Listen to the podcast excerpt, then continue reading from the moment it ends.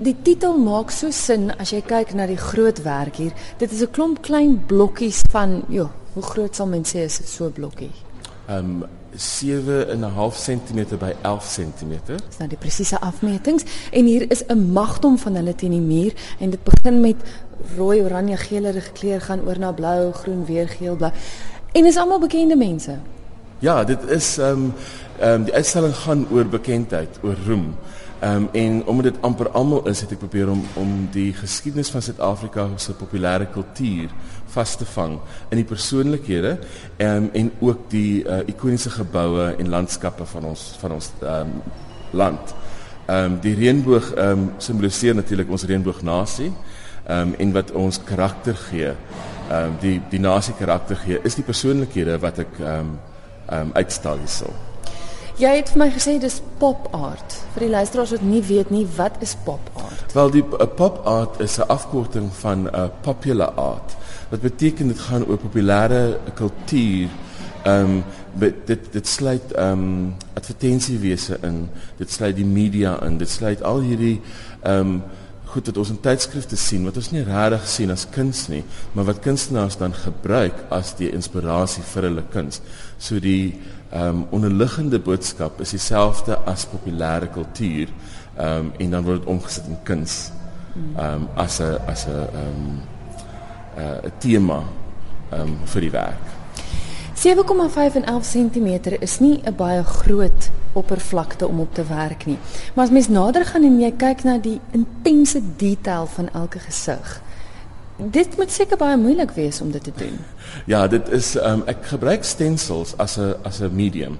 En dit beteken ek sny 'n positiewe of 'n negatiewe ehm um, vorm uit karton uit en dan gebruik ek net eenvoudig spray paint om uh die die wat ek uitgesny het op my kunswerk te ehm um, te plaas basies.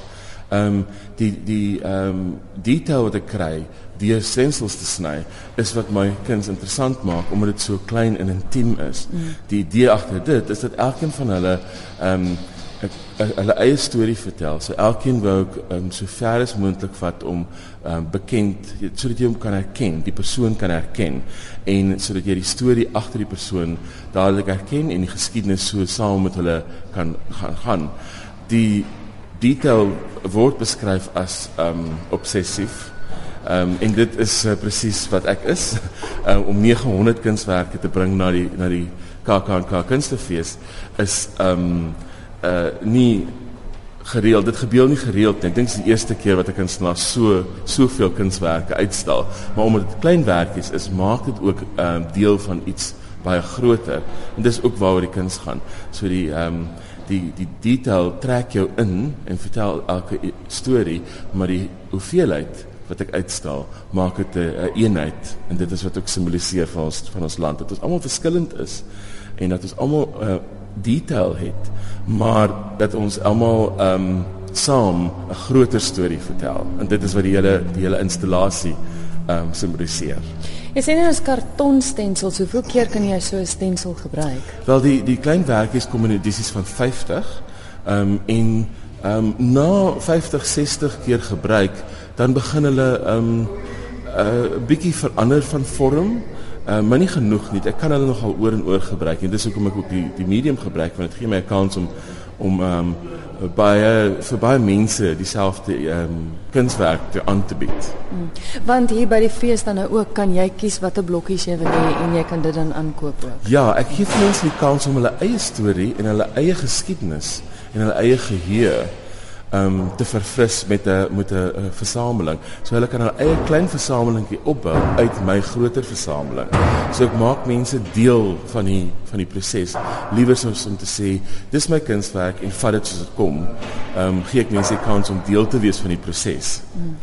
Waar is jou werk nog te sien? Het jy 'n webwerf miskien waar luisteraars kan gaan kyk? Ja, by die die hele uitstalling is ehm um, op my webwerf. Ehm um, dis by www.alexhamilton.co.za.